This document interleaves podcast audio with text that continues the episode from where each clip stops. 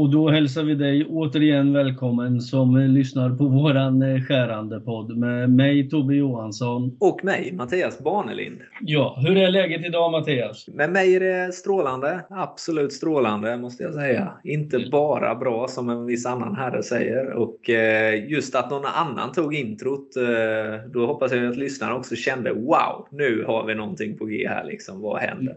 Det är ju förändringar som leder till framgång så att säga. Ja, absolut. Avancerad justering vi gjorde där. Ja, nu är det stora förändringar på gång. Det är Så, det. ja, jag klipper väl till med att säga att idag är läget alldeles lysande istället Ja, för att det bara är bara bra. Ja, det är bra i din gamla kropp har jag förstått. Ja. Ja, det är ju så. Gamla kroppar slits väl och jag tänkte faktiskt vi skulle diskutera lite just det här med vad som kan hända med en gammal kropp och lite sådana här saker. Och, Okej. nej, men det finns ju vissa aspekter som eh, vi kan hamna i fast vi håller på med metallbearbetningsindustri Mm. som kan kopplas ihop med detta. Och det, är ju, alltså, det tillverkas ju mycket nya reservdelar även till människokroppen. Intressant pitch. Nu Ja. är vi med här. Ja. Ja. Vart det ska gå. Mm. Jag, tror jag, jag, jag tror jag till och med fick ungtuppen att vakna till lite. Ja, det var ett spännande upplägg måste jag säga. Ja. Vilka reservdelar på din kropp är du funderar på att byta ut nu då? Det är väl egentligen inte på min egen kropp jag funderar Nej, okej. på att byta ut. Utan vi, vi, vi kan väl köra, nu är ju du alldeles för ung för att ha sett barnprogrammet Bullen en gång i tiden. Men där, Okej. där körde de ju alltid med att eh, de hade fått ett insändarbrev. Ja, just som, det, ja. Ja. Som vanligt har eh, personerna, vi får väl säga att personerna i podden har ingenting med verkligheten att göra. De körde ju alltid att personerna i filmen har inget med verkligheten att göra. Ja, just det. Jag vet inte, du kanske har sett det här programmet faktiskt? Tveksamt, men jag ska kolla sen. Ja, du får gå in och kolla. Sök på Bullen och Martin Timell så får du se.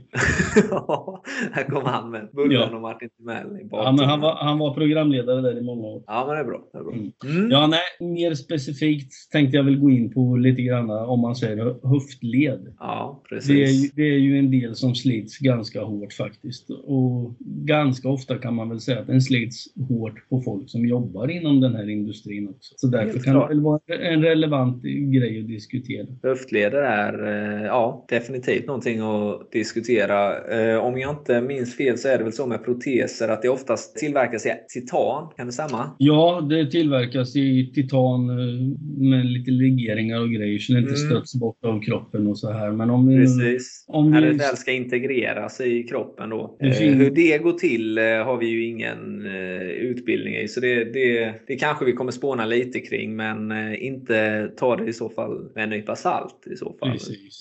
Don't try this at home så att säga. Eh, Om det är någon Mm. som skulle känna att det är lite brådis nu. Det finns ju det är lite köer och så. Det kan man väl säga att det är ska ganska långa köer i vården i allmänhet som det är för tillfället. Men om vi bara leker med tanken att vi ska tillverka oss en höftkula om man skulle få Ja. eh, göra det om vi säger och så. Bara för att göra det lite enklare, Mm. både för oss själva och för de som lyssnar så diskuterar vi inte material så himla mycket utan vi tar mer metod känner jag. Typ vad vill vi använda för maskin och vad vill vi använda för verktyg och lite sådana där saker. Jag har väl en hel del idéer om hur jag skulle vilja göra och du har säkert en hel del idéer också. Ja, man tänker ju på ett sätt ganska snabbt och lätt där direkt hur man skulle kunna fräsa ut en kula. Eh, om Mm. man säger. Det är ju inte mer än att göra en liten sfär på det sättet Nej. känner jag. Men det, sen ska det ju vara lite mer i det. Och jag som, jag, tänk, jag tänkte först säga jag som gammal svarvare men jag säger väl hellre jag som erfaren svarvare skulle väl, väl använda den maskinen istället.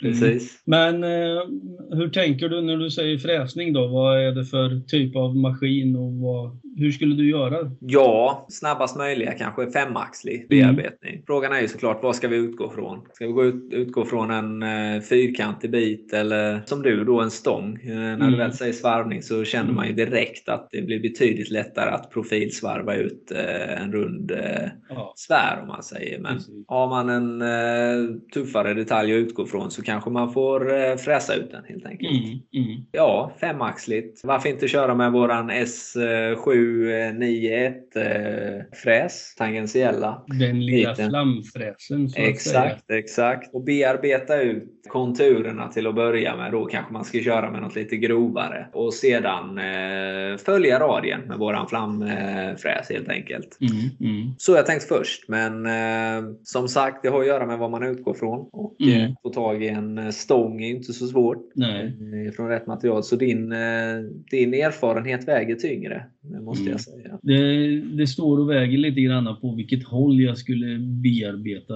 Om du förstår mig rätt, om jag skulle ha kulan längst ut eller om jag ska ha kulan närmast sjuken så beror det Ja, lite... okej. Mm. Så tänker du ja. Mm. För alltså, en sån här protes består ju av två delar egentligen. Själva kulan och sen den delen som du sätter i lårbenet och de här skruvar du ihop. Åh, Det är, till och med, det är till och med så fantastiskt idag så du kan eh, ställa in längden på benet på den som får kulan. Jag har faktiskt en gammal arbetskamrat som Jag förstår genomgått- att du har lite erfarenhet av detta. Ja, av eh, höftledsoperationer. Och han Ja. hade, som ung var han med i en eh, re, rejäl trafikolycka. Så halva Ja. hans eh, kropp var spikad mer eller mindre. Och sen hade de bytt båda höftlederna. Och när han var äldre så var de slitna. Mm, och de mm. första höftlederna han hade, det var äldre teknik. Han kunde till exempel han kunde vinkla benen i princip i... Ja, maxvinkeln var 60 grader. Han kunde inte böja sig ner 90 grader med, om man säger vid höften. Jajamän. Utan det, det var stopp. Och, men när han fick sina nya OA så hade han även problem med att efter olyckan var det ena benet kortare än det andra. Ja, det är jobbigt. Men när de bytte höftlederna sista gången så justerade de det här faktiskt. Och Mm. hans sätt att beskriva det var faktiskt ganska roligt. Det var en väldigt skojfrisk herre. Han sa att de eh, skruvade inte in skruven så långt den gången. så, benen, så benen vart mer lika. Nej, Ja, men om man säger, du, du ska ju göra en kula. Ja, Och du ska ju få till en axel med en gänga på. Så det är ju lite grann hur man tänker Precis. när man ska göra det här. Ska du göra kulan längst ut så måste du ju ner bakom kulan med både svarvningen och när du slår i gängan. ja exakt. Gör du den på andra hållet så gör du ju, svarvar du ju ner den och slår i gängan först och sen gör du kulan längst in innan du sticker av. Precis. Det kanske skulle vara vettigt att göra en, eh, använda sig av en gängfräs för att göra en gängan också. Det skulle mycket väl gå och speciellt då, pratar vi svarv så kräver du att du har drivna verktyg. Ja, Annars är det ju Såklart. faktiskt enklare att slå gängan i svarven som vanligt. ja Men tittar vi på fleroppen så att säga så är det väl en gängfräs som är ganska så bra. helt klart. Och då blir det ju utvändiga gängen på den. Precis. Om man säger så här, jag skulle väl egentligen eh, köra med ett eh, vanligt hederligt CNMG-skär. Som vi har Mm. varit inne på i tidigare avsnitt så är ju inte jag Inte ett jätteglad. WNMG, nej. Nej, jag är ju inte jätteglad åt trigonskären så av naturliga skär så tar jag väl till CNMG. Ja, du tar det. Ja, och sen eh, kör Enkelt och jag... stabilt och Ja, pålitligt. ja, och sen ett vanligt D-skär och göra finskärs... Eller göra profilen med så att säga. Man kan ju dela på det. Vi har ju stickstål, våran variant eller våran... Precis, där finns ju faktiskt skär för kopierfräsning också med radie, Ja. fullradie och grejer. Det kan Ja. ju absolut vara ett alternativ för en svarvare. Precis. För länge sedan fick man tänka lite grann utanför boxen när man skulle göra eller svarva en kula i, i så. Ena sidan är ganska lätt att göra. Det är Mm. liksom bara att göra rad. Men sen ska du ner på baksidan för att få till kulan. Det har eh, till och med hänt att man har satt upp så basala saker som en, en radiepinnfräs. Har man satt Ja. upp i hållaren. Sen profilfräser du med den. Och du får ju samma utseende om du tänker det som du kör med ett av våra stickskär. Ett gelskär med full radieprofil. Det blir ju detsamma när man sätter upp en pinnfräs eller en, du tar en utvändig svarvbom för runda skär så kan man liksom gå ner bakom och profilsvarva som du säger. Jajamän. Och det är väl lite grann så jag skulle tänka om jag skulle göra en sån här höftkula. Mycket snyggt. Frågan är ju vilken metod som skulle vara effektivast. Ja, det är en mycket bra fråga. Det är ju helt enkelt att testa sig fram. Det finns säkert i Småland, inget som jag kan vet på rak arm, men eh, de tillverkas ju i någon eh, verkstad någonstans nära oss, de här höftkulorna. Jag hade ju inte blivit överraskad om det fanns eh, både produktioner i Kina också, va? men just eh, höftkulor hoppas jag att vi har tillverkning av i Sverige. Det är ju en otroligt viktig grej och som eh, hjälper våra äldre att eh, bevara en aktiv livsstil. Så är det. Och eh, om du får säga det själv så är väl jag den som närmar mig det stadiet med rasande fart. Jag hade inte kunnat säga det bättre själv. Nej, jag vet. Jag, vet. Jag, jag, jag tänkte, jag, jag, jag tar den pucken direkt. Så ja, det är så jäkla schysst när du hjälper mig hela tiden. Ja, jag, jag vet. Jag är en Ja. hjälpsam människa. Det är du verkligen. Ja, du har ju långt kvar innan du knäcker en höftkula kanske, men eh, du kanske har eh, knäckt några under din fotbollskarriär eller? Ja, precis.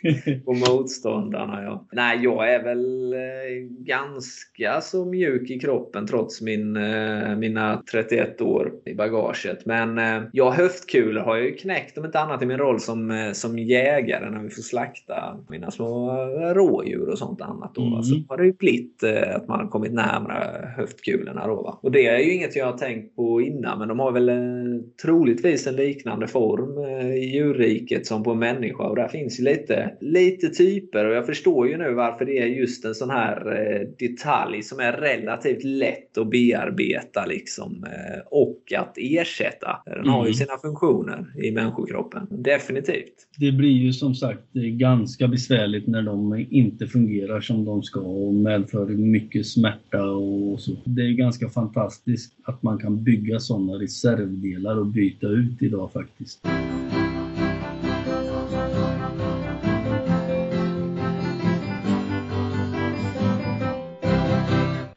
Apropå jakt, du pratar om att du är jägare och, och liksom är vi inne på ämnet att eh, man kan producera väldigt mycket saker så kan vi ju även producera delar till det du använder när du jagar. Ja, eh, som ett vapen exempelvis. Ja, Ja. men precis. Alltså pipan är du tvungen att vara ganska duktig precision på om vi så säger. Det har du helt rätt i. Väldigt viktigt är det. Det finns Mm. många vapentillverkare med hög precision i, i Tyskland bland annat och i, Mm. inte minst i USA. Och då är det djuphålsborrning som du tänker på första hand eller? Ja, tittar man bara rent eh, krasst på pipan så är det ju givetvis hålet i pipan som är det Mm. viktiga. Att det är rakt och, och som du säger djuphålsborrning. Men sen har du ju en massa andra delar i geväret också som kräver enorm precision. Nu är inte jag någon jägare så jag har dålig erfarenhet av det här. Ja, det är ganska ett litet sidospår både från jakt och kul sidospår inifrån Mm. vad vi är inne på nu. Men i i pipan så krävs det ju faktiskt att den, den är ju inte helt eh, cylindrisk med låg tolerans liksom, utan den har ju faktiskt lite räfflor på insidan. Om man säger så. Vet du varför? Nej, det vet jag faktiskt inte. När kulan skjuts ut med en extrem hastighet, flera hundra meter per sekund, så vill man inte att den ligger still i luften utan den ska så att säga spinna Mm. åt sidan. Och det har med ballistiken att göra för den kommer gå rakare och den kommer gå längre helt enkelt.